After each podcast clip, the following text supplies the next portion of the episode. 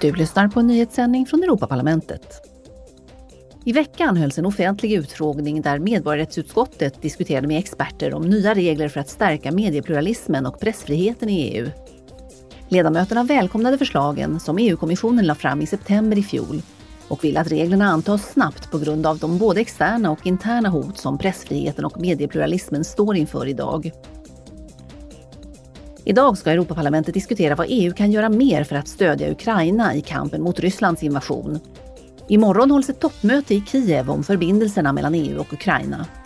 Ledare för både EU och Ukraina förväntas diskutera ekonomiskt och militärt stöd till Ukrainas regering och vad som ska göras härnäst när det gäller Ukrainas ansökan om anslutning till EU.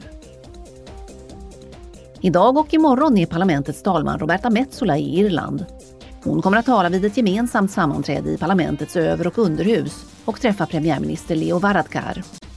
Roberta Metsola ska också träffa Irlands president Michael D Higgins imorgon. Under sitt besök ska hon dessutom träffa och samtala med irländska ungdomar. Du har lyssnat på en nyhetssändning från Europaparlamentet.